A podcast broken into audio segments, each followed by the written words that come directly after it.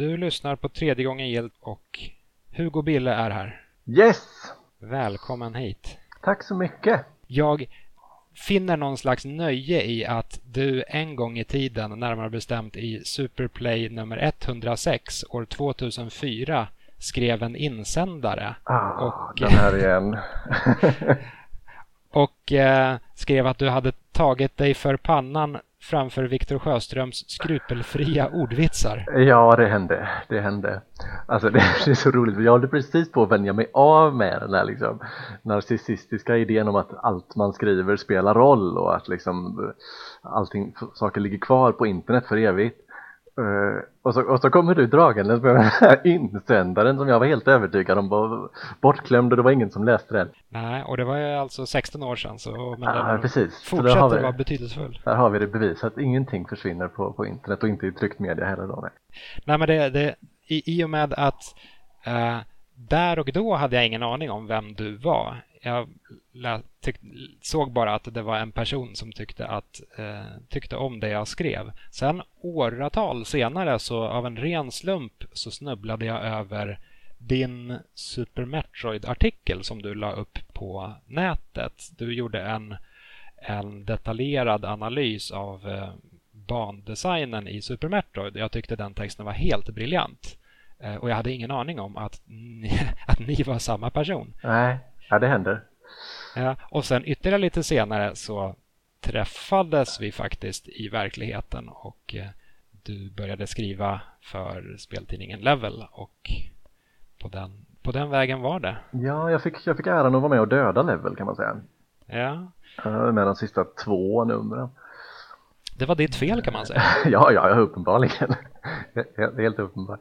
Eh, nej, så att eh, var det du som, eh, som fick in den? Eh, för det, det, var ju så jag kom in på Level kan man säga att, att eh, den Super Metroid-artikeln blev till en svensk version eh, i en ja, lite tidigare version av, av, av Level. Jag kommer faktiskt inte ihåg. Jag kommer ihåg att jag läste artikeln och det, jag läste artikeln liksom utan, utan någon baktanke på något sätt. Jag, jag läste den för att jag tycker att Super Metroid är ett bra spel och eh, av någon anledning så surfade jag runt på Super Metroid.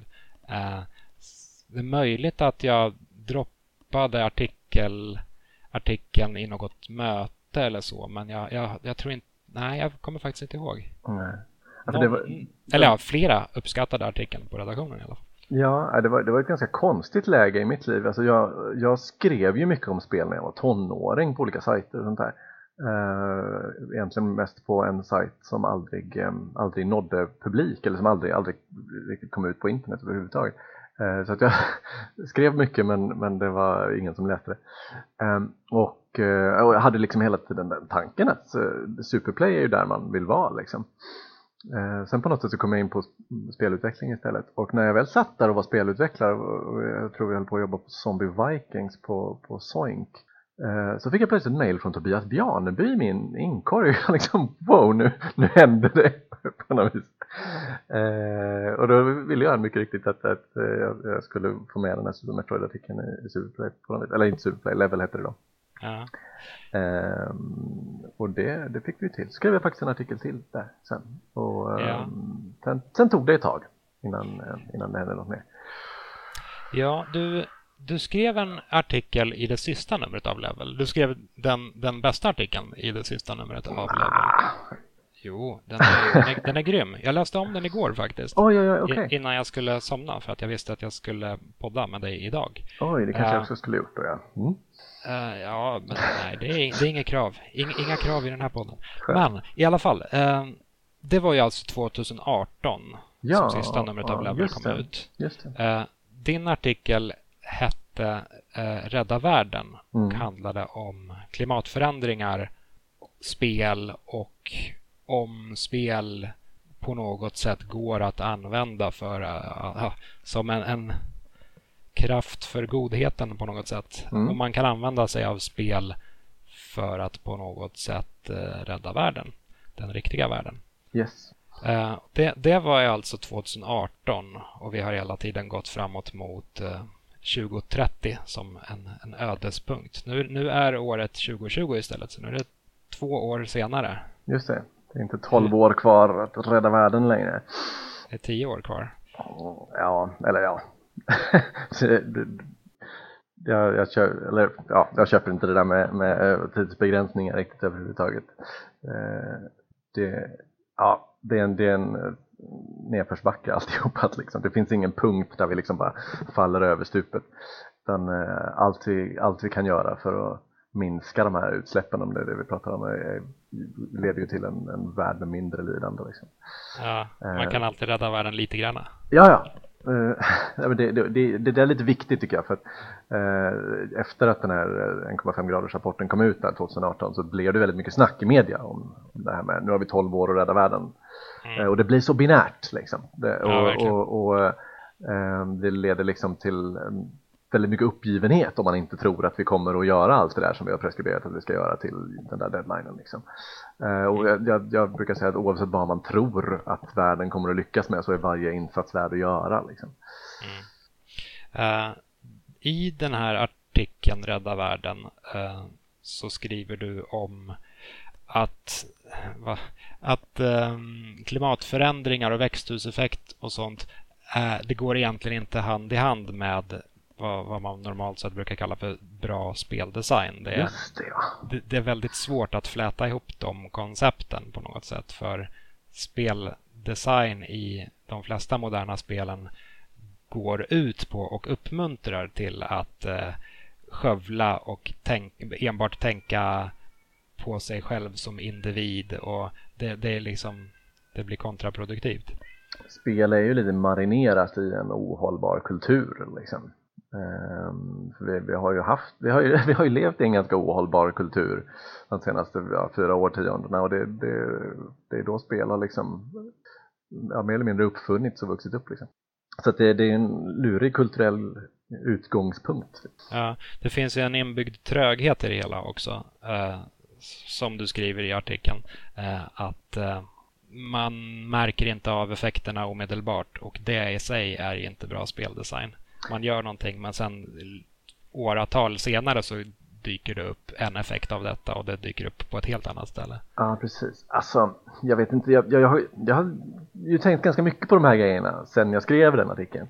Mm. Eh, jag tror att det, det, finns nog mer konstruktiva perspektiv än, än, vad jag hade då. Eller då var jag väldigt mycket inne på att så här, spel skulle simulera klimatförändringar.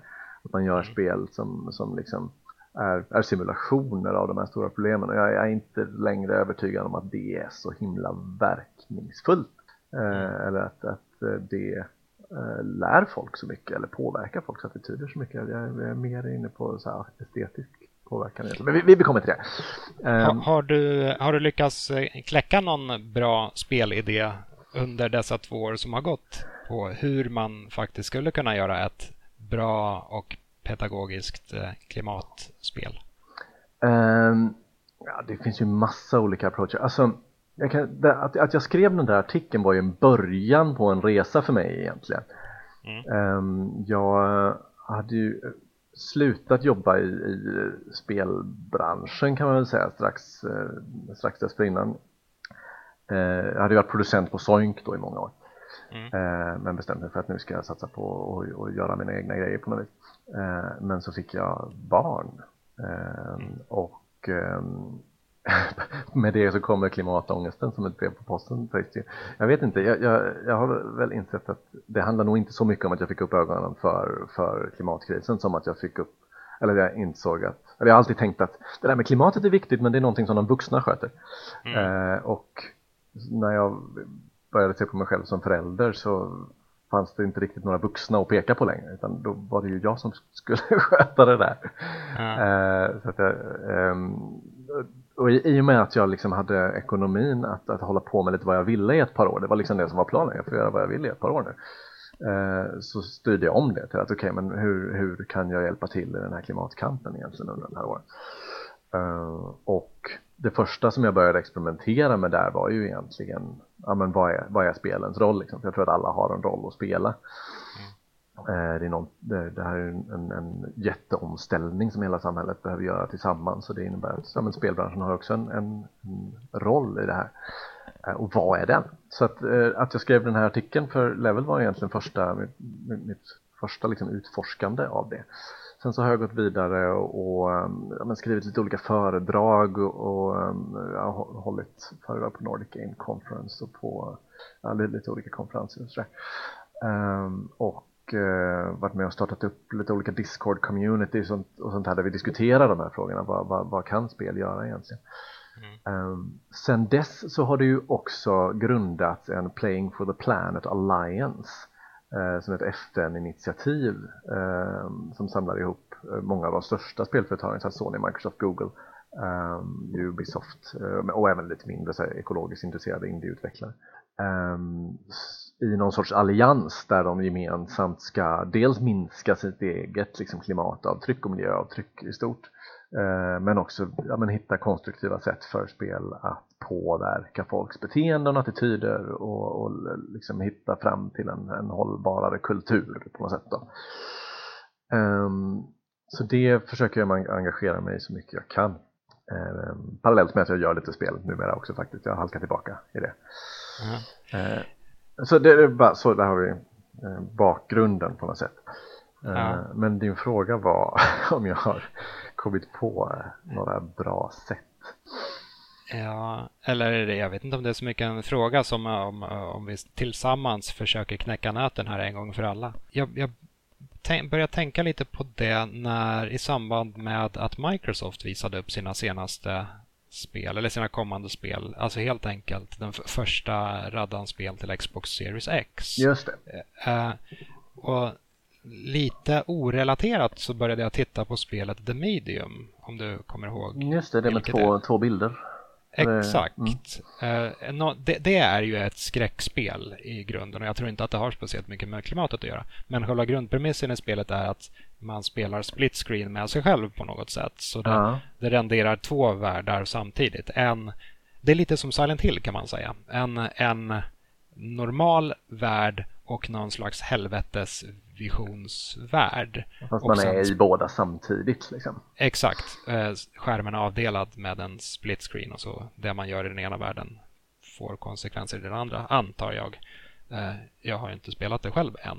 Ja. Men eh, jag, jag tänkte lite på det plus det du skrev där om att det är väldigt svårt att visa konsekvenser av av saker man gör i nutiden som får effekter först åratal senare. Just det. Så man på något sätt kan bygga en speldesign runt det där, att man samarbetar med sitt framtida jag. Lite som typ det här eh, clone clone-verktyget i Photoshop för den delen. Att man placerar mm. ut en, en punkt som är ens eh, ja, referenspenselpunkt och sen målar man vidare. Men därmed så styr man ja, man måste hålla koll på två punkter samtidigt. Eller som typ körsbäret i är det Super Mario 3D World? Ja. När man delar upp sig själv och så blir man flera och så. Just det. alltså, tidsresor överhuvudtaget är ett väldigt praktiskt verktyg för att utforska ja, men, framtiden överhuvudtaget men också så här, olika framtider och vad, vad skiljer dem åt och sådär liksom. Eh, så det, det kan väl absolut vara en approach. Det påminner mig om att någon gång måste jag spela, vad fasen hette det? Ehm, de här, det, det, det, här tyska äventyrsspelsförlaget eh, som heter samma som Ikaros pappa Daedalic Entertainment de gjorde ett, ett eh, klimatspel för typ tio år sedan eller någonting som handlade om att resa till framtiden och, och se vad som hade hänt typ. Någonting, The Någonting World tror jag.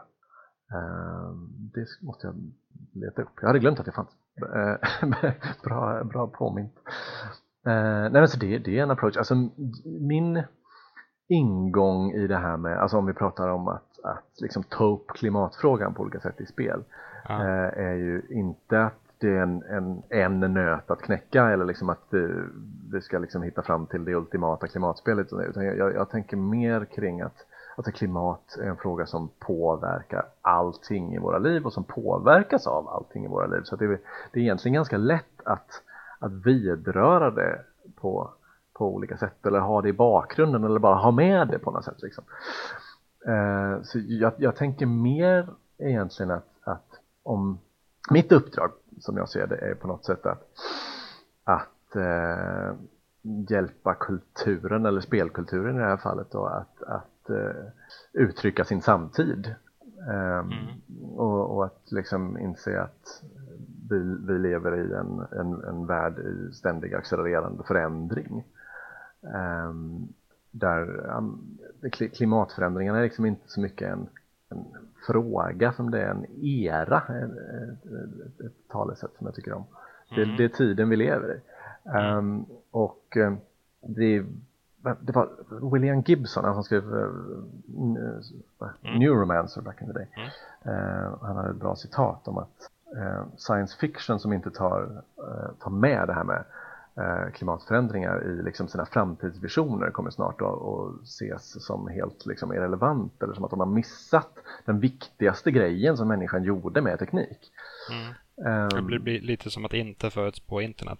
Ja men, ja, men precis. Ja, ja, för all del. Men internet var ju ändå liksom någonting som inte hade behövt uppfinnas. Men vi vet redan nu att, att det kommer att bli varmare liksom och det kommer att ha konsekvenser. Mm. Um, så att, men jag, jag, är egentligen ganska mycket inne på att okej, okay, hur, vad, vad, hur skulle man kunna tweaka Minecraft till att uh, ta med det här lite grann? Eller liksom, hur skulle man kunna, varför, är det inte, varför, varför finns det inte tecken på klimatförändringar i The Last of Us som utspelar sig på 2040-talet nästan? Um, hur, kan, mm, hur, hur, hur, kan det vara det, delaktigt i den kulturen redan?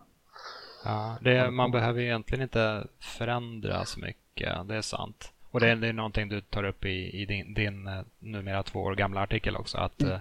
eh, feminism i eh, spelbranschen, det, det finns ju på ett annat sätt nu än vad det fanns för 10-20 år sedan. Och, ja, det gick väldigt fort.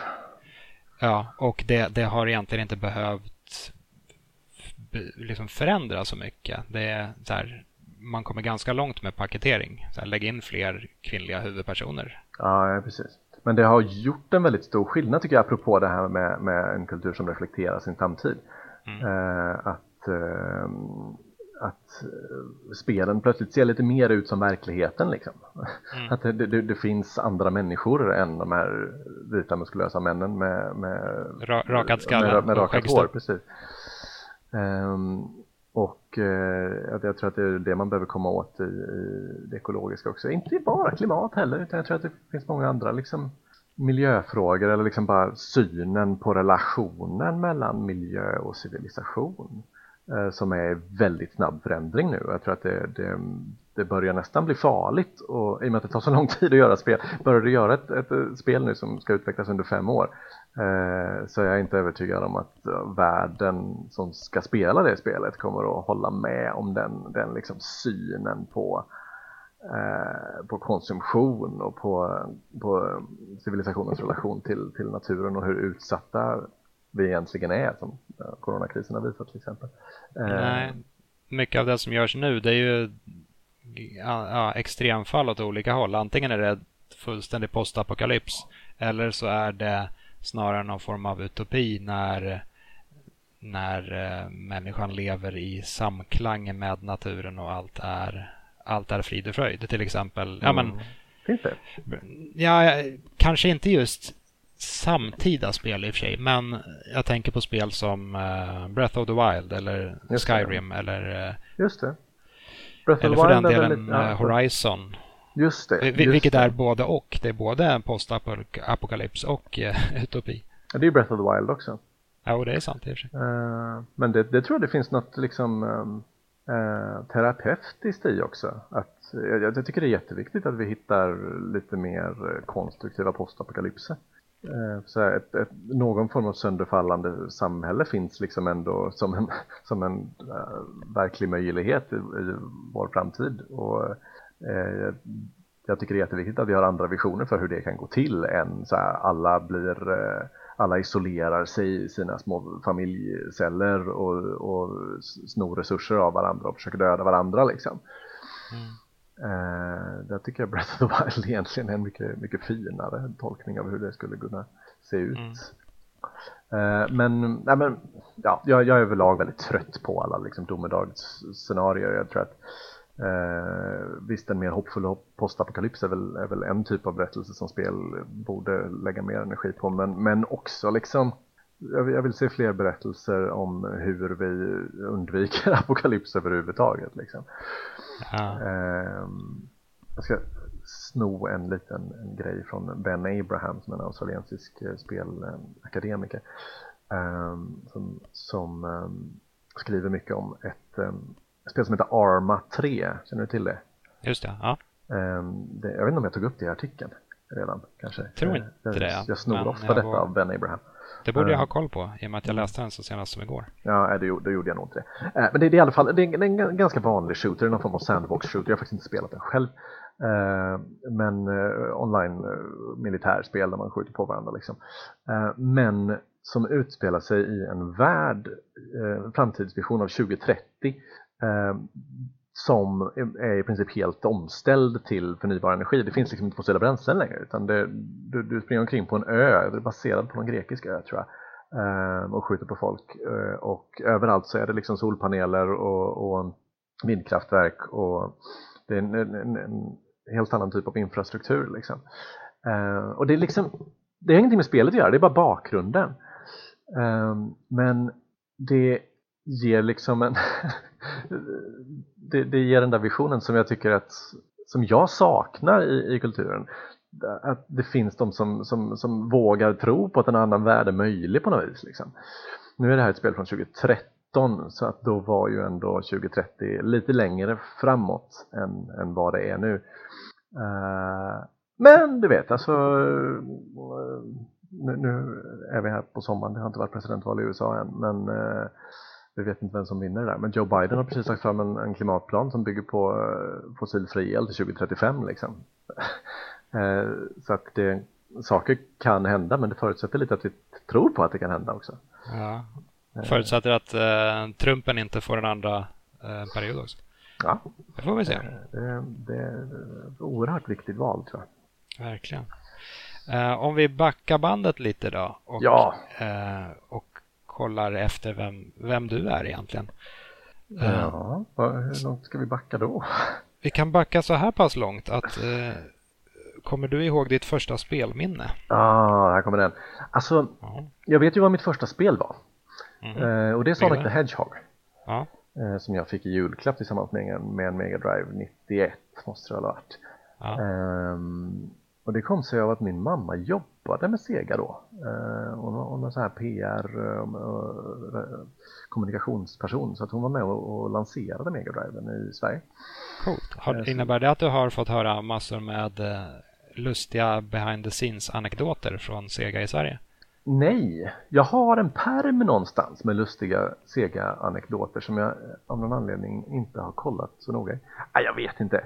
Det här, det här, måste du gräva fram. Jag, jag det känns mer som en grej som jag ska donera till dig än som jag ska Ja, eller, eller, eller, till Martin Lindell. Jag snackade med honom förra veckan, ah. förra avsnittet och uh, han, är ju, han går ju igång på allt sånt här gammalt. Eller det gör jag också förvisso, men just Sega i Sverige, det har han ju till och med skrivit en bok om. Just det, jag kan kolla på det. Men i alla fall, så jag var någon sorts försöksperson, försöksperson där för att liksom se hur, hur, hur barn, eller jag vet inte, jag skulle nog bara visa mamma hur det ser ut.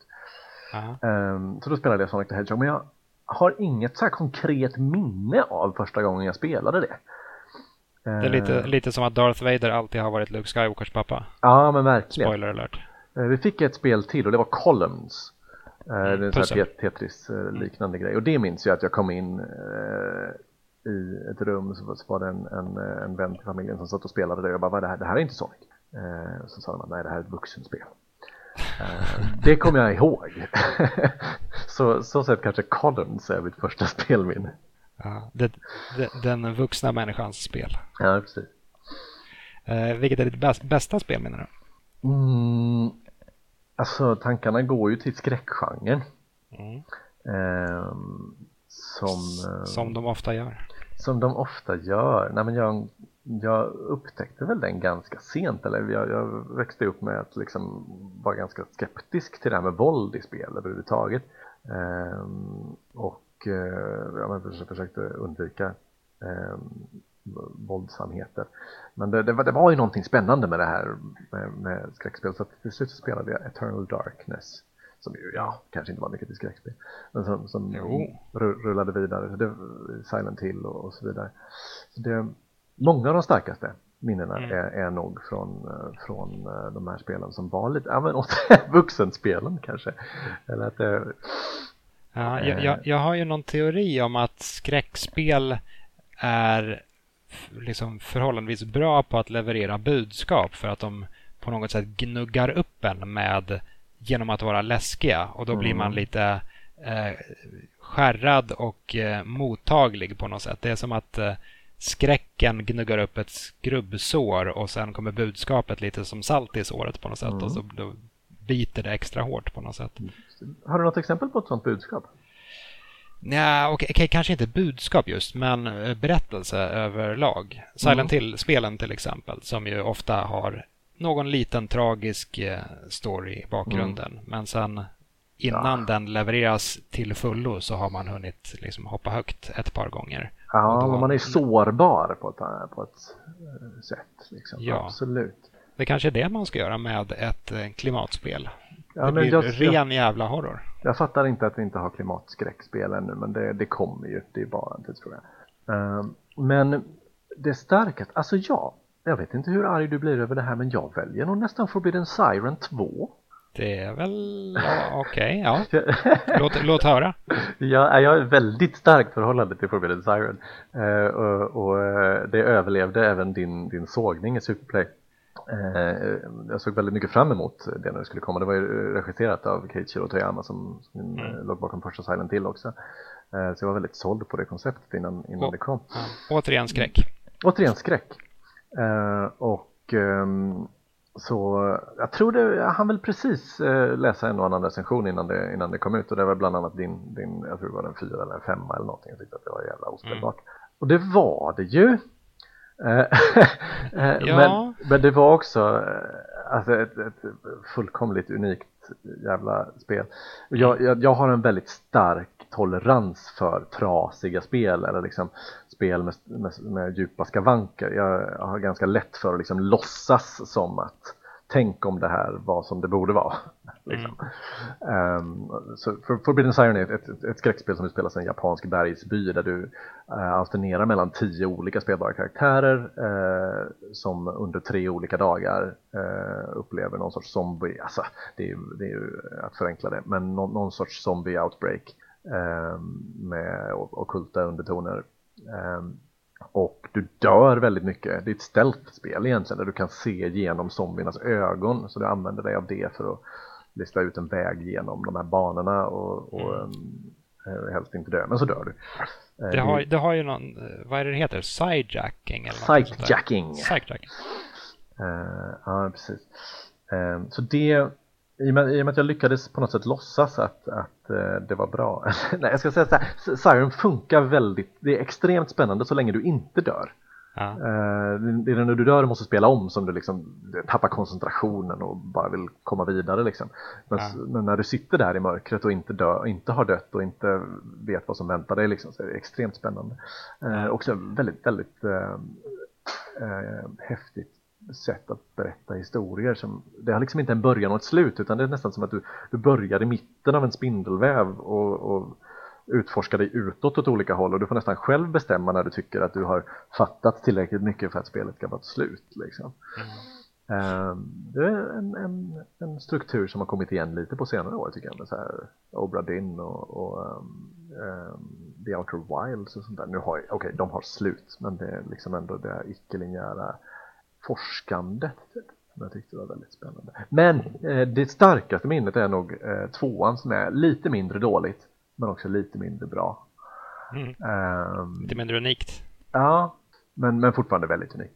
Um, som jag spelade tillsammans med min kompis Maximilian uh, Olbers som jobbar på Paradox nu. Um, så vi, vi satt en sommar och spelade det och det är enda gången egentligen som jag har liksom suttit upp uppe med ett spel tills solen går upp. Eh, det är nog mitt starkaste spelminne när vi sitter och teoriserar över hur, vem det var som föll i sjön från, det där, från den där färjan egentligen i Siren 2. Eh, och drog slutsatser utifrån våra slutsatser i flera led och så går solen upp. Det, det, det är nog mitt starkaste spelminne faktiskt. Ja. Nej, eh, men jag, jag respekterar Forbidden Siren. Sen tyckte jag att det var inte, det var inte ett mm, jätteputsat och polerat spel. Men man, jag skulle gärna vilja att man gjorde något liknande men med kanske lite högre resurser. Då skulle ja. man kunna göra något riktigt fantastiskt tror jag. Spelade du remaken? Nej, det gjorde jag inte. Det är ju ehm, det är väldigt putsat. Ehm, det är ju en återberättande av samma historia egentligen men extremt effektiviserat. De har liksom tagit de här av 16 eh, karaktärerna som fanns i originalet och liksom slagit ihop dem väldigt tydligt. Man kan se att okay, den här karaktären är eh, en sammanslagning av de här tre, den fyller de här tre olika rollerna liksom. Eh, och så är det linjärt eh, men, men fortfarande liksom episodbaserat och mycket mer spelbart, man dör mycket mindre. Uh, inte lika unikt, men mycket mer, uh, mycket mer njutbart. Det är nästan mm. så att jag skulle kunna rekommendera det. Siren 1 och 2 rekommenderar jag inte till någon. Jag vet att det bara är galningar som jag som, som orkar med det. Ja. Ja, jag kommer inte ihåg så mycket av handlingen, så jag kanske borde ta och kolla upp remaken, trots allt. Det, de, de pitchade det som att det var, om, om originalet var en verklig händelse, vilket jag tycker det verkligen känns som, man gräver i en verklig händelse. Mm. Det är nästan ett dokumentärt spel på något Eh, så är remaken den, den amerikanska eh, nej, nej, men ja, så säger remaken den, den amerikanska filmen baserad på den verkliga händelsen. Ah, right. Eh, så det, det, är ju faktiskt till och med amerikanska karaktärer som dyker upp i den här bergsbyn. Det är lite tråkigt i och för sig för um, karaktärerna i originalet de har ju ett väldigt speciellt sätt att renderas på också. Det är väl... Åh, vad konstigt. Ja, det, det bidrar till den dokumentära stämningen lite grann. Det är liksom fotografier som är plast... Eller så, vad, blir det? Klistrade på eh, ja, typ platta polygonansikten liksom. Fotorealism anno Playstation 2. Ja. Och det, och det blir väldigt knepigt och konstigt. Ja, på ett ganska coolt sätt. Ja, eller det, det, det, det är någon Uncanny Valley-grej på det där liksom. Att det är ju ändå animerat liksom. Du, du har ju en karaktär som, som skriker till exempel för att han ser något fruktansvärt. Men då är det ju en, en bild på en karaktär som inte skriker som liksom morfar till en bild på en karaktär som skriker. Du, du vet en uppdateringsfrekvens på så här två bilder i sekunden eller någonting. Eh, men med någon sorts här interpolation emellan är väldigt obehagligt att titta på. Mm. Det finns ju i HD nu också, det måste vara ännu värre. De har ju så gjort en Playstation 2, vad, vad heter de? de? Det finns ju PS2-spel på PS4 som ja, de har bara skalat upp. Det måste ju se fruktansvärt ut. Ja. Vilket var det eh, första spelet du köpte för egna pengar? Mm, jag tror att det måste ha varit Toe Jam and Earl. Funkspelet? Funkspelet. Eh, Till Mega Drive? Ja, jag vågar inte lova att jag köpte det för egna pengar, men jag tror det. Um, det hade jag sett hos en, hos en granne och så tänkte jag att det där känner jag igen, det vill jag ha hemma. Och eh, det har man ju spelat en del. Ja. Det, det, var först det här om året som jag insåg att Toe Jam Earl är en roguelike. Ja, jo, absolut. Det är liksom en genre som inte fanns för mig förrän, ja men Spelunky typ. Eller ja, så det var väl en genre som var ganska död fram till, fram till Spelunky och Minecraft. Nu ska jag inte klanka ner på din barndom kanske, men Toe Jam Earl är väl inte ärligt talat jättebra? Nej, det är det väl inte. Uh... det, har, det har ju någon slags kultstatus, men... Ja, äh. Alltså jag ska inte klaga, jag fick ändå börja med Sonic. Uh, Sonic 1 har sina skavanker, men Sonic 2 är liksom ändå någon form av mästerverk. Ja, visst. Uh, så nej men, nej men Toadman men det, var, det blev ju värre därefter. Alltså, sen kom ju den riktiga alla Mega Drive-spel som jag hade efter det var Lejonkungen och, och alla det var väl okej. Okay. Jag vet inte, jag har spelat om det nu när det kom på, på switchen och det, ja, ja, ja, ja vet inte. Första banorna är okej, okay. det är okej okay tills det blir svårt, sen blir outhärdligt. Ja, Aladdin har jag, har jag spelat så pass mycket så att jag, eh, jag ser inte längre skavankerna på något sätt. Nej. Jag kan det så pass bra att jag kan spela runt det som är dåligt. Mm. Och det är alltid ett, ett farligt sätt att se på gamla spel. Ja. Eh, lågvattenmärket var nog Green Dog, The Beached Surfer Dude. Oh shit. Eh, jag har också spelat om i modern tid, det är ospelbart faktiskt. Eh, och sen blev det ju liksom så här, jag skaffade en Playstation och så blev det plattform bara med Crash Bandicoot, Spyro the Dragon och Rayman. Jag hade ingen aning om att det fanns bra spel på Playstation. Eh, så att jag fick liksom ta igen alla Final Fantasy och Metal Gear och sånt där i efterhand. Ja, Crash är väl bra i och för sig, på sitt sätt. På sitt sätt. Jag behöver inte spela remake. eh, vilket spel har du lagt ner mest tid på? Eh, alltså det, det korta svaret är Pokémon och det långa svaret är nog Pokémon också.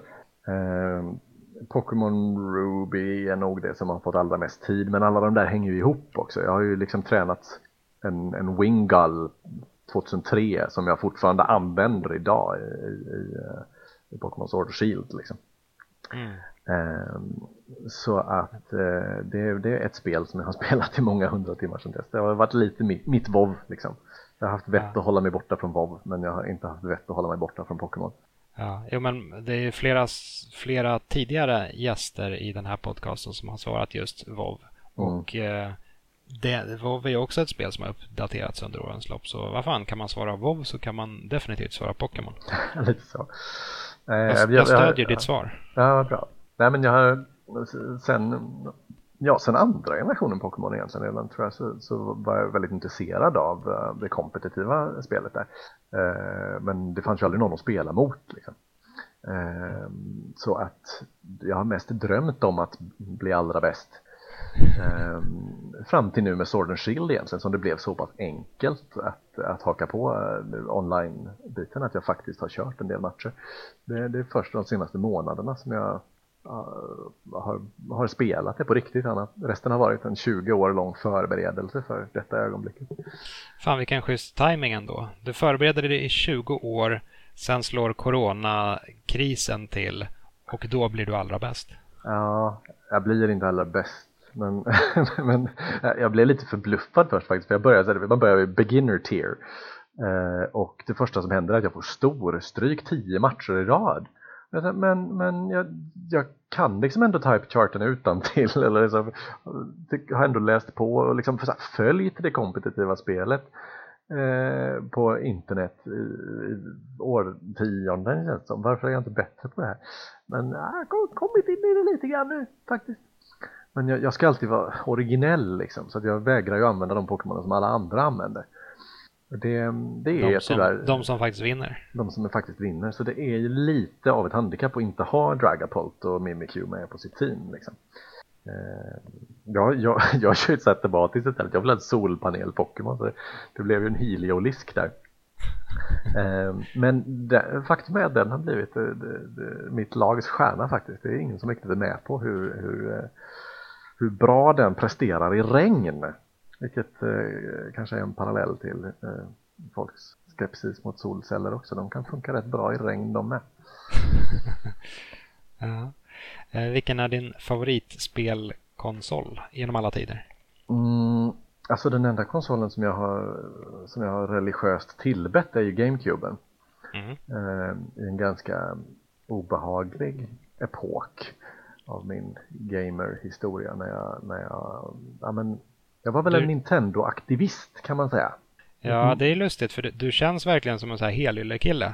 Mm. Eh, okay. Fan, du, du, du är så jävla bra Hugo. Ja, fint, tack.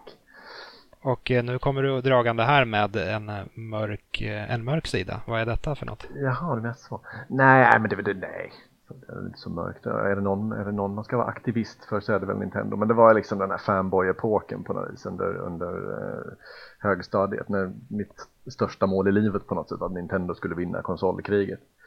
Eh, och i efterhand så känns det som en så jävla privilegierad eh, kulle att dö på.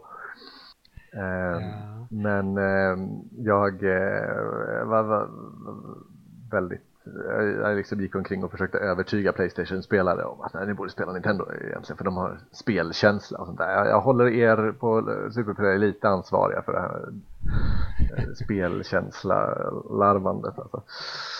Eh, men... Eh, Sen ska det ju säga att, att GameCube var en, det var en fantastisk konsol. Den var fin, den hade sina, den hade sina ljuspunkter. Um, jag, ja, men jag, alltså, jag vet inte om det, om, om det är därför men jag har, har ju starka känslor för både Super Mario Sunshine och The Wind Waker och de här spelen som man som rent objektivt kanske inte var de bästa. The Wind Waker var jävligt bra. Sunshine har sina ja. skavanker men The Wind Waker är starkt alltså. Ja. Metroid Prime förstås. Uh, Donkey Kong Jungle Beat, icke att förglömma. Ja, det är lustigt för där och då så hade väl även Playstation 2 och första Xbox riktigt bra titlar. Men så här nu i efterhand så ser jag ju hellre tillbaka på GameCube än jag ser tillbaka på Playstation 2. Att mm. tänka på Playstation 2-spel känns lite gammalt och förlegat och mossigt. Att tänka tillbaka på GameCube-spel känns här härligt retro på något sätt. Ja, men många av dem åldrades nog bättre också. Eh, om man, om man hårdrar det. Mm. Um, Playstation 2-spel, jag vet inte, det, det, jag tror det fanns en lite starkare önskan att göra det fotorealistiska där. Uh, alltså rent grafiskt och det, och det har ju inte åldrats väl. Uh, men det, det, finns fortfarande fantastiska spel som du bara kan spela på din Playstation 2. Jo, jo så uh, Eller ja, det mesta remakas spel nu för tiden. Men uh, okej, okay, ja, jag minns inte när jag senast drog fram min Playstation 2 rent fysiskt. Men, men Playstation 2-spel, de var nice. Silent Hill 2, Forbidden ja. Syra. Just saying. vad spelar du just nu? Um, ja, vad var det? Jo, aha, jag har, jag har börjat spela Final Fantasy 7 originalet. Har du kört remaken än? Ja, då, absolut. Eh, jag har till och med skrivit en jättelång artikel om remaken som jag ska försöka ge ut någonstans. Just ja, det har jag ju till och med sett på Twitter. Mm, bad. Eh, men eh, jag, jag, jag, såg att det var på rea på switchen nu och så tänkte jag att ja, men man kan ju snabbspola sig igenom det och det, mm. det står sig ändå mycket bättre än jag trodde det skulle göra. Alltså tack vare att jag kan hoppa över hela stridssystemet i princip. Ja, det, eh, det här är ju visst, remaken i all ära, men den nyutgåvan av originalet är ju typ den ultimata versionen av Final Fantasy. Mm. Tack vare för spolningsfunktionen och quicksave-funktionen och ja, men de här små emulatorliknande funktionerna som de har lagt in nu. Ja, men det är riktigt, eh, riktigt välgjort faktiskt. Jag har spelat eh, mobilversionen av nian innan och den är ju nästan ännu bättre. Den har touch controls och grejer. Mm. Eh, men eh, vad tänkte jag? Ja, men det, det är påkostat. Nu, det, det är en, en cutscene, eh, cutscenen i slutet av skiva 1 som vi ju alla känner. Mm. Um, när där, skit träffar en fläkt. När, när skit träffar en fläkt. Den är ju så här spoilermarkerad så man, man kan inte ta screenshots från den på Switch. Eh, då, då, har de ändå gått in och liksom jobbat på det här tycker jag. Eh, det, då blev jag impad. Ja, men det är någon som på något sätt respekterar det för det spelet står för. Ja. Eh, så. Sen så har jag börjat, jag tror jag börjat komma till den punkten där, alltså det finns ju ett fusk som gör att man, alla ens mätare fylls på hela tiden. Så man har konstant limit break och man har alltid full HP och full MP. Mm. Eh, men man kan ju fortfarande dö om, om det är någon boss som one-hittar den liksom. Mm. Uh, och jag har börjat komma till den punkten där jag har hoppat över så många random encounters att jag är så underlevlad att bossar börjar kunna slå ihjäl mig på en träff. Mm. Så ja, jag får återkomma om hur, hur väl det faktiskt funkar längre in i spelet. Ja, fast det, i och med snabbspolningsfunktionen så är det ju, det är ju lättare än någonsin då att grinda ja, ikapp. Ja. Och speciellt då om du grindar mot fiender som ja, inte är fienderna i början av spelet utan fienderna i halvvägs genom spelet. Nej, precis.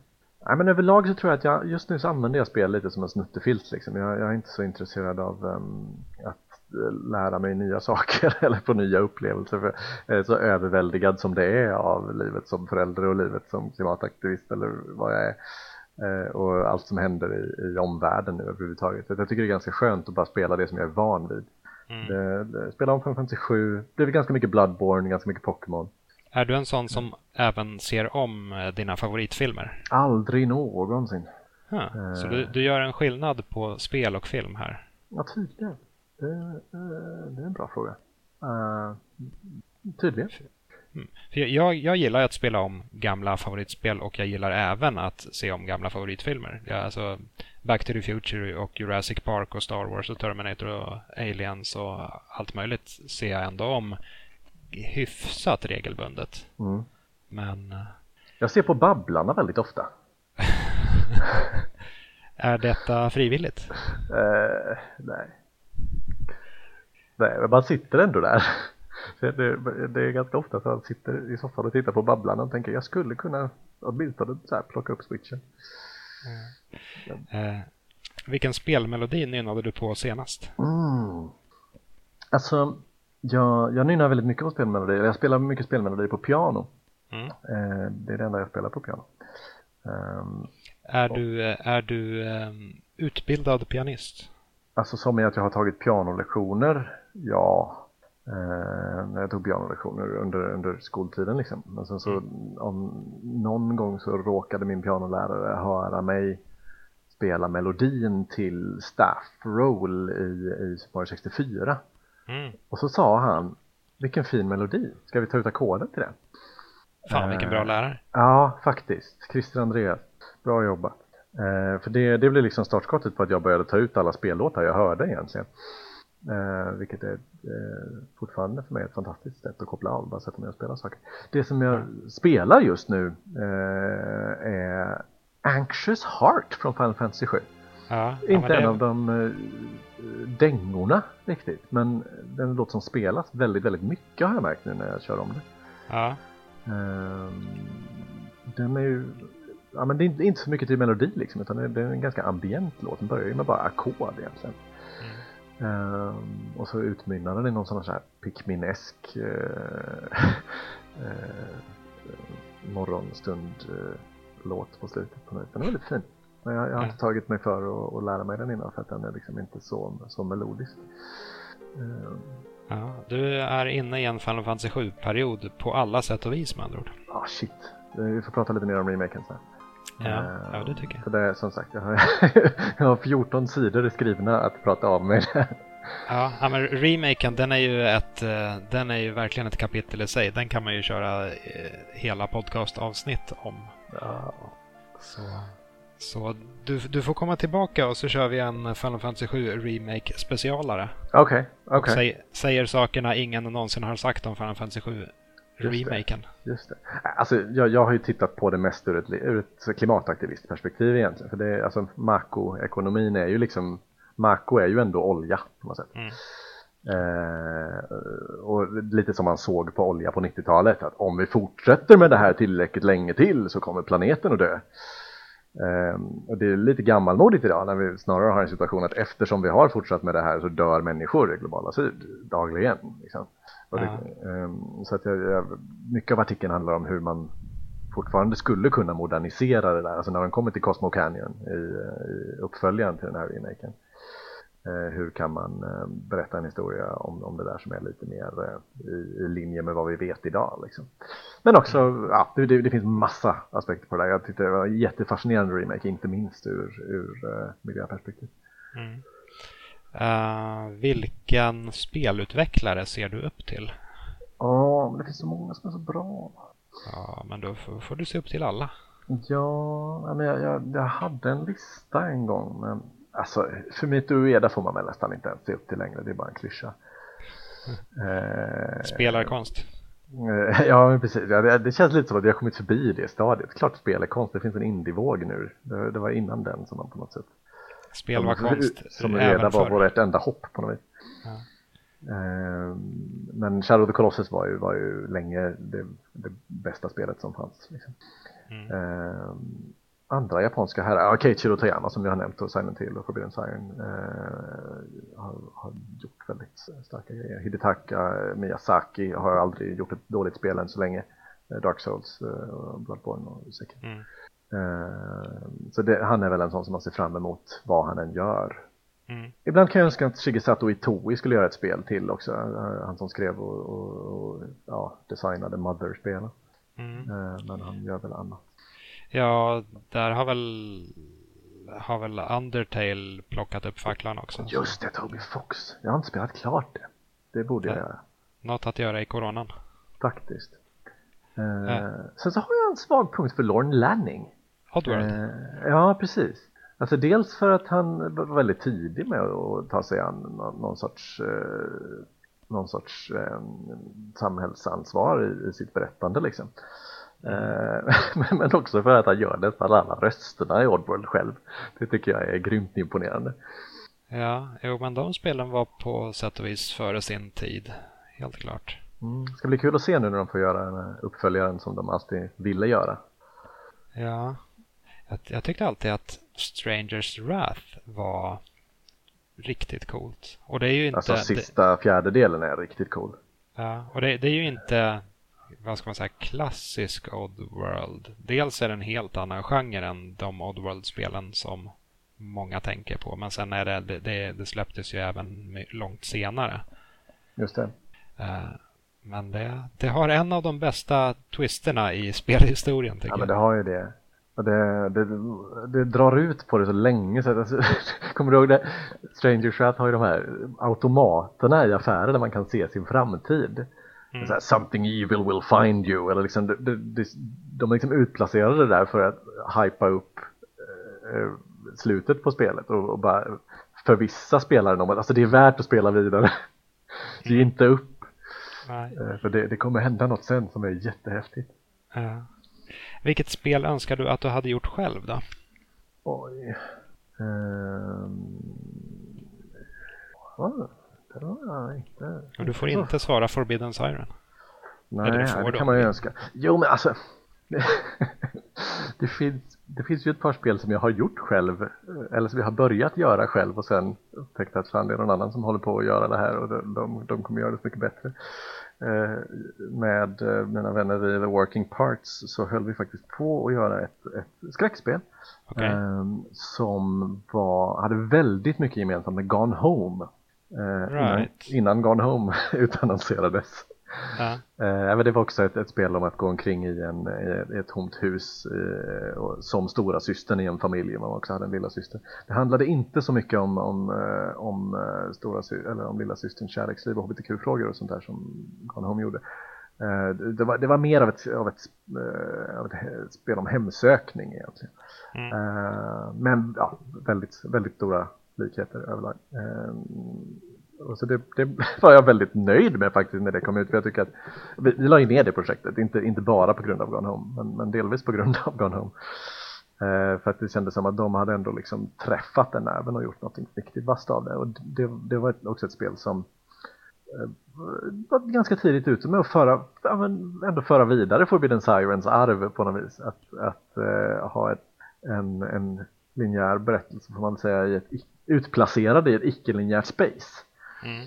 Eh, som man ändå fick utforska eh, på sina egna termer. Så, så, att spelarens roll är en arkeolog. Liksom. Mm. Eh, men, men, det är en skön inställning i alla fall att inte bli eh, förkrossad och se det som en, eh, en negativ sak att någon annan tänker samma sak och hinner, hinner först eller hinner bäst Ja, eh, utan att snarare se det som en stämpel på att man var inne på rätt väg och se det ja. som, jag vet inte, inte en komplimang riktigt men någon form av, ja, tumme upp. Jag vet inte. Ja, precis. Um, I, um. Uh, på, på, samma sätt så uh, jag har funderat på ett spel ganska länge, eller håller på att prototypa lite på ett spel som visade sig ha väldigt stora likheter med uh, The Outer Wilds. Mm. Uh, tidsloopspel. Mm. Uh, men det är ändå så pass uh, annorlunda att uh, jag fortfarande vill göra det. Mm.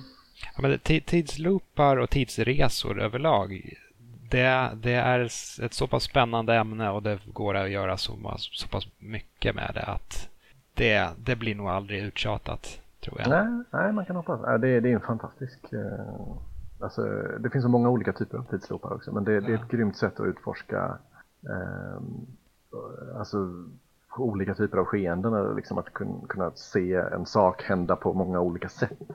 Mm.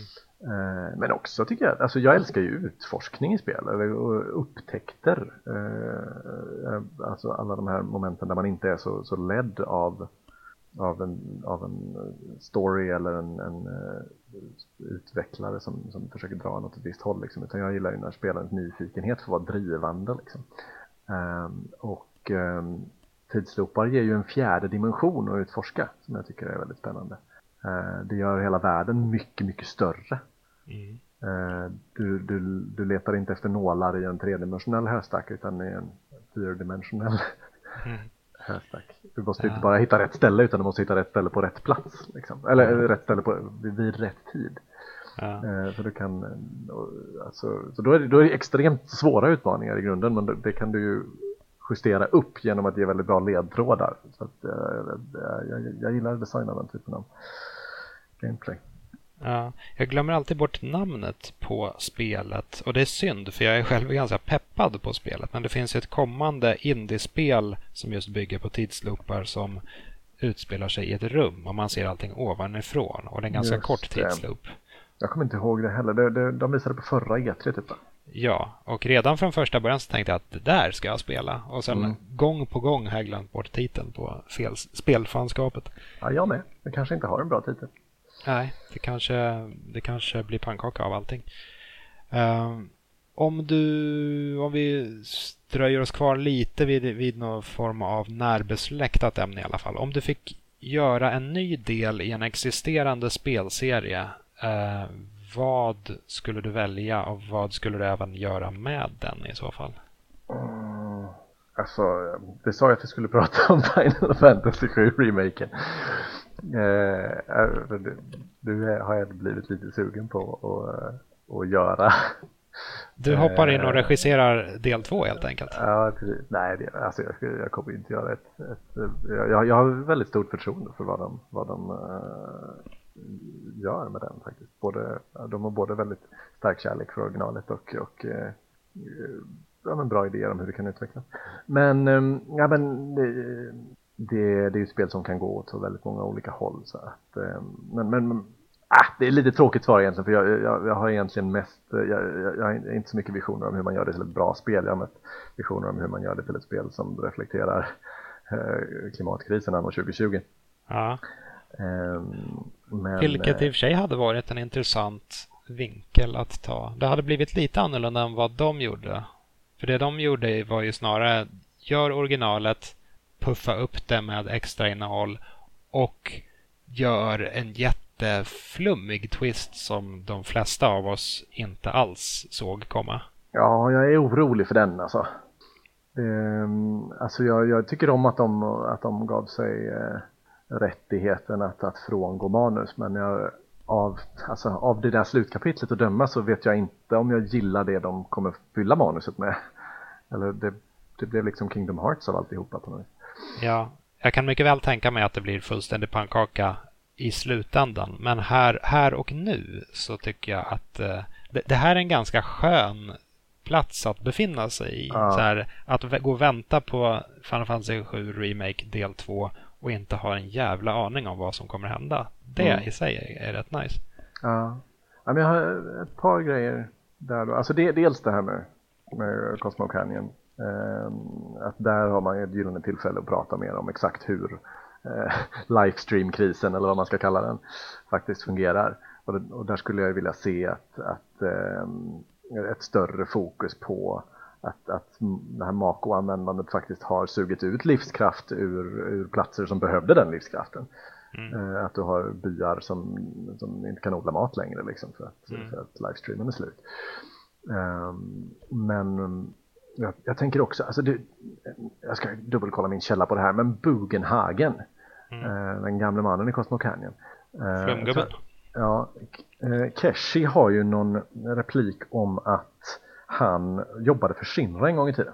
Eh, vilket skulle ge honom ett superläge att börja prata om hur mycket Shinra egentligen vet om, eh, om eh, hur skadligt deras Mako-användande är. Mm. Eh, för där, där, finns ju jätteparalleller att dra till. Det, det, finns ju rättsfall nu i USA där man håller på att utmana eh, Exxon framförallt.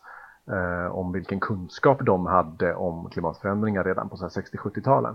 Eh, och, och, vilken forskning som de genomdrev eh, och sedan liksom tystade ner. Um, och den, den, det är ju liksom höjden av korruption på något vis. Så det är ju en fantastisk story att dra till med Shinra. Det är ju precis sånt som, som man förväntar sig att de håller på med. Att de, de har vetat precis vilken skada de gör på planeten hela tiden men, men de har tystat ner det liksom. Mm. Där har vi övergången från Professor Gast till Professor Hojo för den delen. Nu är vi djupt nere i FF7 lore. Uh, men uh, att det liksom en gång i tiden fanns en vilja att, att uh, skapa en bättre värld inom Shinra men att någonting gick fel där. Ja. Alltså det, det, det, det är bara så här små, små, grejer som jag tycker skulle vara väldigt roligt att, att få pilla med i det spelet. Ja. Sen är det svårt att få till att det, att det inte blir liksom skrivet på näsan eller att det känns för politiskt. Liksom. Ja, eller så är det just det som den här samtiden behöver. Jag vet inte. Ja, alltså sjuans remake är ju redan där tycker jag. Alltså det är väldigt mycket, alltså de, de djupdyker ju mycket mer i hur, hur folk ser på Avalanche. Eh, och hur folk lever i Midgar och, och ja. folk är så tillfreds med att någonstans så vet de väl att, att det inte funkar att leva så här liksom. Och inte minst liksom med, med ojämlikheten. Att folk bor ja. uppe på den här plattan som blockar solen från slummen liksom. Ja. Eh, men att folk har det rätt bekvämt liksom. Vi, inte, vi, fick inte se de där människorna som har det rätt bekvämt i originalet. Och jag är väldigt tacksam att de får vara med för de, de är vi på något vis. Ja. Det, jag, jag skulle säga att de, de Ja, till viss del så gräver man ju mer i hur allmänheten i Midgar, Midgar ser på Avalanche. Men samtidigt så på vissa andra sätt så hålls det ju väldigt ytligt och så här klacksparkigt på något sätt. Att mm. Avalanche är terroriststämplade och människor är rädda för dem. Eh, men så här, Barrett åker ändå tunnelbana tillsammans med alla andra med sin jävla kanonarm och så här kläcker checka eh, utrop under striderna. Och det, Ja. Jag, jag, tror att en annan utvecklare hade ju gjort något helt annat med, med den här dynamiken mellan allmänheten och Avalanche. Om, säg, Naughty Dog hade gjort uh, The Last of Us Part, eller Last of Us-remaken så hade det ju varit en väldigt mycket mörkare historia. Det hade ju varit jättetråkigt också. Alltså jag är jätteglad att de ändå vågar larva till det. Ja, det, det går ju ganska mycket i hand med vad Final Fantasy 7 har stått för tidigare också. Så det, ja. de, alltså, det, är, kon, det är konstigt men det är samtidigt ganska, ganska troget. När vi kom ut på den här arenan och fick slåss mot ett hus. Så är liksom, det, här, det här är den mest Final Fantasy-grejen som har hänt på 23 år. Och de håller striden ganska episk och eh, det är den, den tveklöst svåraste striden. Ja, helvete, jag körde fast på den fullständigt. Jag, jag, ja, den, den, var, den hade sina svagheter, men konceptet är helt fantastiskt. Jag är så glad att de inte um, gjorde, att, att, att de inte tog det för långt att liksom, eller snarare, att de, de, de, de vågade göra det mer allvarsamt än originalet var kanske, men de, de vågade samtidigt hålla fast i larvet och jag tror att det är en vinnande kombination. Ja. Eh, vad spelar du tillsammans med dina vänner? Eh, Mario Kart 8. Eh, egentligen nästan bara. har, eh, många av mina vänner har flyttat till Stockholm under de senare åren och börjat jobba i spelbranschen där. Ja. Eh, och sättet vi håller kontakt är väl egentligen att eh, spela Mario Kart 8 på Switch då. Eller ja, det är väl ja, det, är det det blir. Eh, så det har väl blivit lite dåligt med det nu sista, sista halvåret faktiskt. Eh, men eh, ja, desto mer Street Fighter och en och annan Smash-match. Lite, lite farligt. Det är spel som man potentiellt kan bli osams över. Mm, ja, jag tror att vi är, vi, vi är liksom permanent osams på något vis. Så fort, man, så fort man går in i Mario Kart så är man i osams-mode. Det finns ju, det finns ju ett litet chattsystem där man kan välja olika saker man kan säga medan man äh, väntar på att folk ska komma in i lobbyn och sådär. Just det, välja repliker. Ja, och där finns det ju inget elakt man kan säga. Eh, så vi, vi har liksom etablerat att go easy on me eh, betyder jag hatar er allihop.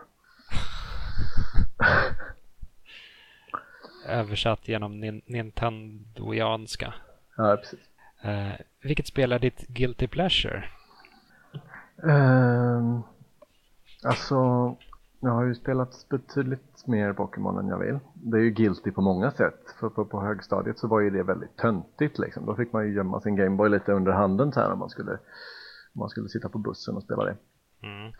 Um... Men överlag så här, saker som var töntiga när man var liten räknas inte riktigt tycker jag. Eh, så här, jag, jag eh, fick skämmas både en och två gånger över att jag läste Spiderman när jag var liten. Mm. Och så här, ja, var lite rädd att folk skulle komma på mig när jag hade gått och köpt senaste numret på Pressbyrån. Mm. Eh, men vad fan, det spelar ingen roll nu för tiden. Jag, Nej, precis. Nej, nu för tiden är det att det tar mycket tid. Eh, och eh, vad, vad, skulle man kunna göra med tiden istället? Så jag är ganska lätt påverkad av sånt där märker jag. Eh, jag, har, jag, har, jag har inte så mycket självdisciplin som jag borde ha. Så att det, alltså ibland så är jag fullt medveten om att jag, jag, behöver, jag behöver lite Pokémon just nu. Jag behöver göra något lite meningslöst liksom. Mm. Uh, men jag blir ju ofta sittande där mycket längre än vad jag, vad jag hade velat. Uh, och det där, det där uh, tänker jag på mycket med speldesign också. Att, um, det, det, det, är väldigt viktigt men, men också väldigt svårt att hitta rätt balans i, i det här beroendeframkallandet. Liksom. För att jag, jag tycker verkligen inte att spel ska få sina spelare att spela mer än de har glädje av. Eh, men så ofta gör de det, även, även på mig. Även, och, och, även spel som jag älskar. Alltså, jag vill spela Dark Souls jättemycket. Men jag vill nog inte spela Dark Souls riktigt så mycket som Dark Souls får mig att spela Dark Souls. Så att, samtidigt som man måste ju få, man måste ha kul åt spelen man spelar. Så det, det, det ska ju vara roligt att spela helt enkelt. Mm. Ja, men det, det, det är skillnader där tycker jag på att eh, det är kul och givande och, och eh, att man, man vill göra det och att man eh, eh indoktrineras, eller nej fel ord, men, men, men att man eh, eh vad är det, Pavlovska ordet? Betingas? Eh, att man betingas att fortsätta spela liksom. Eh, som är en, en det är olika från person till person men på mig så är det en väldigt mäktig kraft. Mm. Um, jo, absolut. Men vad är lösningen då? Att, eh, att ge spelaren lite tydligare vägar ut? Jag gillar det här med vägar ut. Um, det, det, tycker jag är någonting som tänks lite för lite på i spel. Det, det känns som att de, de flesta, så här, ja, men single player-äventyr till exempel, är väldigt designade för att man ska man ska fortsätta spela så länge som det bara är möjligt. Och om jag designar ett sånt spel så vill jag ju snarare att spelaren ska fortsätta spela så länge de får ut någonting av det. Um, jag tänker, jag tycker Majora's Mask har en ganska bra modell för det där. Mm. Uh, för att det har, det har, det har sitt content i lager på något vis. Det har en huvudstory som är ganska kort. Och när du har klarat den så har du på något sätt en avfart där. Du skulle kunna känna dig nöjd. Du, det, det, det är på något sätt godkänt att sluta spela när man har sett credits. Vill du ja. fortsätta spela så finns det också en massa mask-quests som du kan, som du kan få som är liksom ganska genomarbetade, bra, bra quests ofta. Liksom. Mm. Uh, och när du har klarat alla dem, ja, då får du till och med ett, ett extra slut nästan. Eller en, mm. en, eh, en, en, modifierad sista bossfight som är liksom ett extra litet fyrverkeri och ett extra liksom, okej okay, nu kan jag känna mig klar. Vill du ha ännu mer? Ja men då, då finns det hjärtbitar som inte är lika bra. men, men du kan ta alla dem liksom. Mm. Uh, och så, och så har, det, har, det, hela tiden de här mini-avfarterna i form av spelets tredygnscykel. Så ja, efter varje ja, cykel så kan man ju hoppa av. För all del. För kvällen i alla fall. Så att, nej men jag, jag tror det, det, är en bra grej att inte ha en så här 100% mätare liksom. Att all, eh, du är inte klar förrän du har 100% eh, Utan att det, det, det, finns olika mål som du skulle kunna uppnå. Du, det, det, jag tror 100% mätaren överhuvudtaget är ganska problematisk. Eh, jag hade önskat att till exempel Hollow Knight inte hade en 100% mätare. Eh, man låser ju upp den i slutet av Hollow Knight. Eh, men på grund av att den finns så har jag spelat Hollow Knight så mycket mer än vad jag egentligen hade velat. Jag hade jättetråkigt de sista 5-10 timmarna när jag bara gick omkring och letade efter de sista power-upsen. Det är ju synd med tanke på att det är ett fantastiskt spel fram till dess. Ja, men verkligen. Jag har jätterespekt för Hollow Knight. Men, men är det någonting jag vill ändra på så är det nog eh, visa mig inte 100% mätare. Jag tror Super Metroid var inne på någonting där faktiskt. Det har en procentmätare men du får bara titta på den efter att du har klarat sista bossen. Mm. Så du gör inte det, alltså om du inte är väldigt eh, väldigt engagerad. Så jag har ju aldrig 100% Super Metroid. Jag gjorde det till slut faktiskt härom, härom eh, månaden med en guide bara för att se, bara för att ha gjort det. Eh, men eh, överlag så känns det som ett spel som inte kanske inte borde haft en, en procentmätare heller för att det, det mår ganska bra av känslan av att det kanske finns något mer där inne. Jag vet inte riktigt. Eh, man skulle kunna utforska lite om man, om man, om man känner för det men det, det drivs inte av den här viljan att, att vara komplett. Liksom. Mm. Vilket spel har fått dig att slänga handkontrollen i väggen? Gör folk det? Jag vet inte. Alltså, jag, har, jag har nog aldrig släng, jag har aldrig haft sönder en handkontroll. Jag har haft sönder en vägg när jag har spelat. Okej. Okay. Uh, jag, jag, jag, har nog aldrig riktigt hört talas om att eller alltså, man, man, man har ju historier om, om, om det där men jag tar det aldrig riktigt på allvar. Ja, vilket spel har gjort dig ar argast om man ja, säger så? Um, det finns ju många frustrerande spel men det finns väl inget som är så frustrerande som att vara utlämnad till andra människor i Overcooked. Ah. Det har inte fått mig att kasta handkontrollen men det är nog det enda spelet som har fått mig att liksom hoppa upp och ner och skrika att folk är idioter. Um, Co-op kan vara frustrerande. Jag vet, inte om du, jag vet inte vad det säger om mig. Nej, men jag, jag håller med. Det, jag, jag hade ju en period när jag körde, eller när vi körde Overcooked, ja det var både ettan och tvåan, eh, liksom efter jobbet eh, med ett, ett litet spelgäng som jag har borta i Kista. Eh, och det, det blev ju det blev egentligen helt fel tänkt från början på något sätt att varva ner efter jobbet genom att spela Overcooked och så blir man bara superstressad av det och liksom pulsen går upp och man, man mår ganska dåligt i slutändan. Eller jag gjorde det i alla fall. Just det. Uh, vilket spel har fått dig att gråta? Uh, alltså, hmm. Det är konstigt, det, det börjar bli ganska länge sedan det här hände. Jag vet återigen inte vad det säger om mig. Du är död på insidan. Ja, precis. Jag kommer ju aldrig glömma när jag när Wii Weather Channel fick mig att gråta. Oj. Eh, men jag tror inte det, det är kanske ett exempel på att eh, det inte alltid är verket så mycket som hur eh, fick Wii Weather Channel dig att gråta? Jag vet inte, jag tror jag bara var i ett mode på något vis. det, det här var länge sedan, jag var säkert 17-18 eller någonting jag vet inte om det hade hänt något särskilt men jag, jag var i alla fall ganska, men, jag, känslor går ju i vågor på, något, på något sätt. Så här. Typ, efter ett tag, när man inte har gråtit på ett tag, så behöver man väl bara gråta. Då tror jag att musiken i We Weather Channel var, var den utlösande faktorn. Det är jättefin den pianoslingan. Eh, överlag så tror jag, åtminstone på mig, så har musik ofta en väldigt stark känslomässig eh, effekt. Eh, och eh, är det någon spelutvecklare som jag beundrar mest så är det kanske Umatsu, så sett. Eh, jag tror att han har haft mycket större påverkan på, eh, på Final Fantasy än någon, någon som har skrivit eller designat dem egentligen. Mm. Så det här är, det, det, är en fråga om, om en låt som fick dig att gråta helt enkelt? Ja, det får man nog faktiskt säga. Mm. Vilken spelvärld skulle du vilja flytta in i? Oh, Alltså de är ju ruskigt obehagliga de flesta av dem. Ja. Um, jag, jag funderar lite på Pokémon där. Alltså det, de försöker ju ändå vara någon form av så idealsamhällen där alla lever i harmoni med varandra typ. Eh, men samtidigt så finns det ju aspekter där som jag definitivt skulle vända mig emot. Jag tror inte riktigt på att alla de här djuren verkligen lever för att slåss mot varandra. Liksom. Nej, det, det går ju att twista till de flesta spelvärldarna till att bli ganska obehagliga på något sätt. Ja. I, i Pokémon-världens fall så det, jag tycker att det är lite, lite obehagligt att bara så här konceptet Pokémon är så otroligt stort bland alla. Alltså det, det, det verkar vara huvudintresset för precis varenda människa som lever där. Det är som att alla i den här människan skulle vara ex, eller i den här världen skulle vara extremt inne på jag vet inte vad motsvarigheten här är. Så här tuppfighting eller någonting.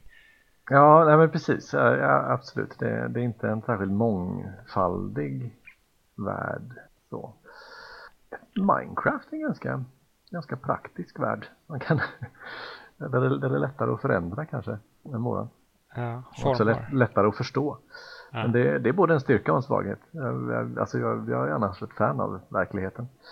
Ja. Eh. Vilken, vilken spelserie skulle du vilja återuppliva? Um, ja, rätt svar är ju Silent Hill. Men um, man ska svara något annat Nej, men det jag, jag kommer bli mycket nöjd om, om du återupplivar Silent Hill. Ja, men då svarar jag Forbidden Siren. Curveball. Ja, precis. Ja, bra fråga. Alltså det, jag, jag, jag tänker väl någonstans att de flesta spelserier som jag dödar hellre spelserier än återupplivar dem. Det, det är så många som bara fortsätter och fortsätter och fortsätter. Ja. Men det är utmärkt, för nästa fråga är just vilken spelserie skulle du vilja lägga ner? Mm, just det.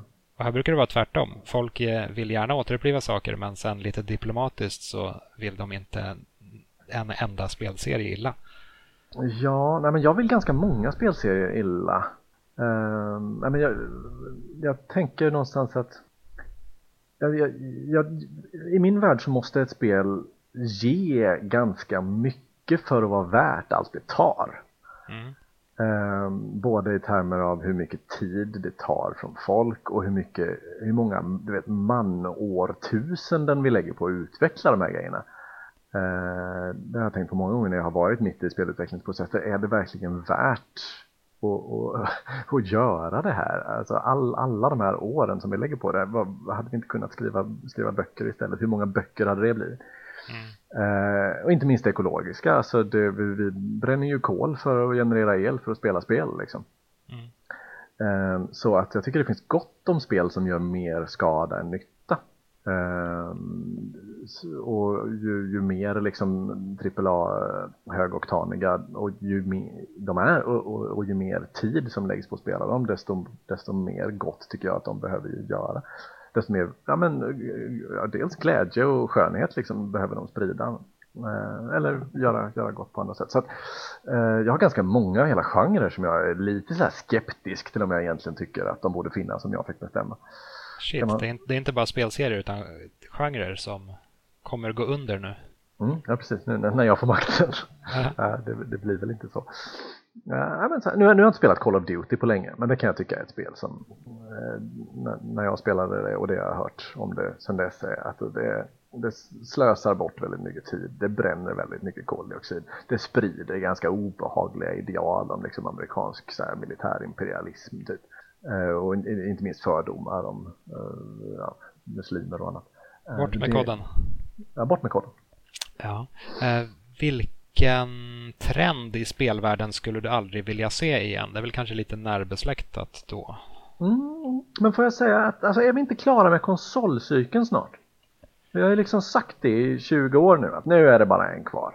Och, och, det hade ju nästan kunnat vara det. Jag känner lite som utvecklare att, att jag har inget behov av, eh, eller jag, jag, så här, mitt behov av PS4 när vi hade PS3 var väldigt litet.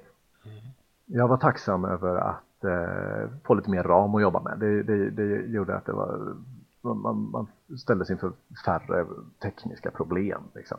Men det var ungefär det enda. Annars så känns det som att konsolgenerationerna sen dess bara är till för att, för att pusha liksom, högre upplösningar och högre frame rates pratar om. 4K, 120 FPS. Och jag vet inte ja. vem som får ut något av det längre. Call of Duty-spelare? Jag antar det. Eller alltså, jag vet inte om du kan hjälpa mig med det. Men, men eh, för jag förstår ju att, att företagen som gör de här maskinerna får ut någonting av, av uh, hypen som uppstår i att vi köper nya maskiner. Så mm. de, har ju all, de har ju ett intresse av att, av att hypa upp oss på nästa konsolreaktion. Men, men egentligen, vad är det som hindrar oss från att... Hade, hade det inte varit bättre om vi bara fick fortsätta spela på vår Playstation 4? Jo, egentligen. Fast det hade ju på något sätt då krävt att att alla var överens om detta. Alltså inte bara alla vi spelare utan även alla företag. Och inte mm. ens alla, bara alla företag inom spelbranschen utan alla företag i stort. Absolut.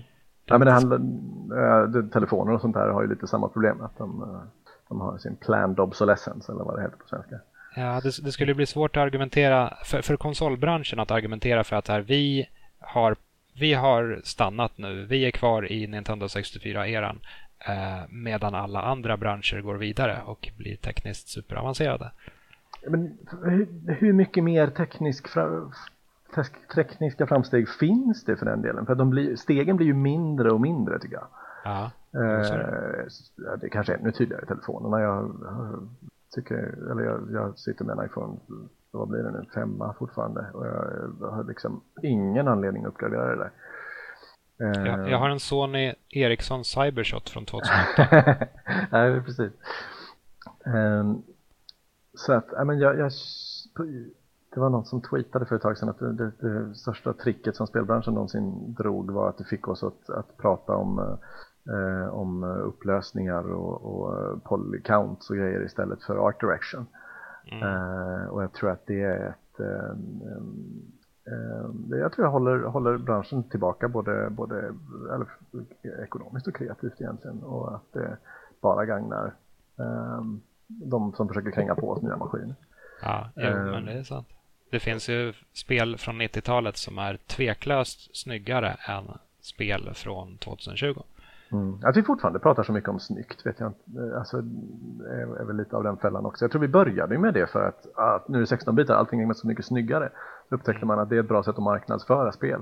Ehm, och så, så ja, alltså, jag vill inte förringa så här grafikers arbete och jag förstår att, att, att spel till stor del är en visuell upplevelse, mer, mer, än, mer för många än det är för mig.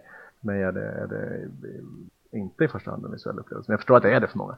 Eh, men jag betvivlar fortfarande att 4K 120 FPS är en, är den, den, en, en tillräckligt viktig eh, framgång inom det för att, för att eh, motivera alla, alla de, de pengar som vi kommer lägga ut på det och framförallt alltså ja, återigen det ekologiska, det är inte hållbart att vi fortsätter eh, pumpa upp de här mineralerna ur, ur marken i den takten vi gör. Liksom. Särskilt inte om man tänker sig att spel ska vara någonting som ska vara tillgängligt för, för 7 miljarder människor och inte bara de 2 miljarder som, som har devices idag. Liksom.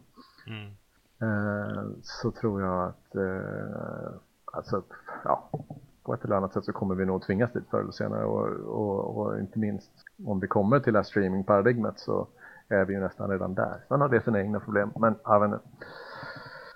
Ja, så länge jag inte blir strandsatt i Playstation 4-eran så är jag nöjd. För mm. min PS4 fläkt låter för jävligt och jag vill inte sitta med den resten av livet. Då, backar jag hellre tillbaka till till exempel GameCube. Just det. Eller, eller går framåt till PS5. Men så, jag tycker switchen är en bra, bra medelväg. Bara inte, nu, nu, I termer av uh, hållbarhet återigen då kanske för den drar så fruktansvärt lite batteri jämfört med de andra i och med, i och med att den måste funka bärbart liksom. Uh, men ja, ja, allt, allt, allt det där eh, det, det, kommer. Eh, jag tror att det, det, är lite svårt att säga om men, men om, jag får, om jag får bestämma, vilket var, eller vad det frågan var så skulle jag väldigt gärna vilja sluta gräva upp mineraler ur marken för att tillverka nya maskiner och hellre använda de vi redan har. Ja. Upploppet. Om du fick ändra en enda sak i ett av dina spel, dina favoritspel, eller i och för sig, nej, jag, jag, tar tillbaka den här frågan. Jag drar, jag drar in frågan. Uh, I och med att du faktiskt är spelutvecklare också uh, mm. så ställer vi istället frågan om du fick ändra en sak i ett av dina spel, ett av spelen du har gjort, vad skulle du ändra på då? Mm. Ja, ja, men då får vi väl prata om fel lite grann. Eh, det kommer väl ingen, inte som en överraskning för eh, efter det här samtalet och, och om man har spelat fe eh, att det blev mycket mer linjärt än vad jag hade önskat. Ehm, det, det är lätt hänt när spel ska knytas ihop och, och, man upptäcker att oj då, det var ju svårt att hitta i den här världen. Att man mer eller mindre, eller att tidspressen om inte annat tvingar en att lägga in Ehm, mycket mer liksom, begränsningar i spelarens utforskande än vad det var menat. Eh, det finns väldigt mycket som jag hade velat göra annorlunda på det spelet. Eh, och det var inte bara upp till mig. Eh, en sak som jag tänkt på mycket på sistone också är Ah, vet du vad, vi, eh, eh, snabbt bara, jag gjorde ett spel, det första spelet jag gjorde, eh, ett spel som heter Residue, som utspelar sig i Aralsjön i Uzbekistan.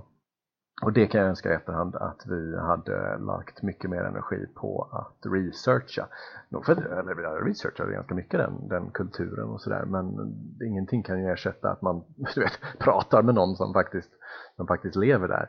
Och jag känner i efterhand att vi, vi, det vi producerade var lite av en parodi på, eh, på en kultur som vi inte förstod oss på. Eh, och det där tror jag kommer bli allt viktigare.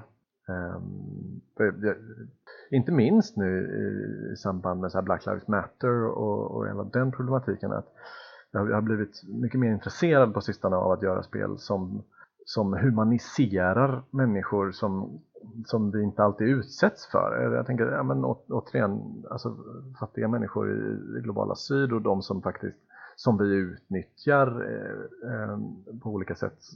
Som, alltså de som gräver upp de här mineralerna i Kongo till exempel. Eh, jag skulle vilja se mer berättelser som, som humaniserar dem. Eh, där, där, vi får ja, lära känna dem som karaktärer och människor. Liksom. Eh, och en stor anledning till att det inte händer är ju att eh, i de länder där de bor så finns det inte resurser att, att, att skapa liksom, kultur på den nivån.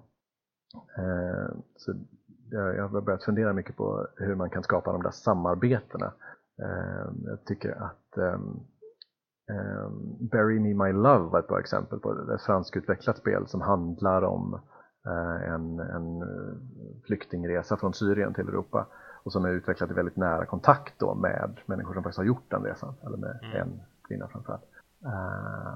Så hade jag velat göra Residue, uh, i, sam i, nära samarbete med någon som, som faktiskt vet vad han pratar om. Mm. Slutligen, vilket spel skulle du ta med dig till en öde ö?